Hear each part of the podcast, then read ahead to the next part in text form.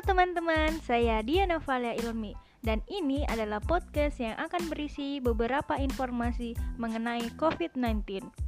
Nah, pada kesempatan kali ini, saya akan membahas mengenai new normal. Belakangan ini, kita sering jumpai istilah new normal atau kenormalan baru. Konsep ini menjadi pola hidup baru yang akan dijalani masyarakat di saat aturan pembebasan dilonggarkan. Sebetulnya, apa sih konsep new normal ini? Yuk sama-sama kita cari tahu.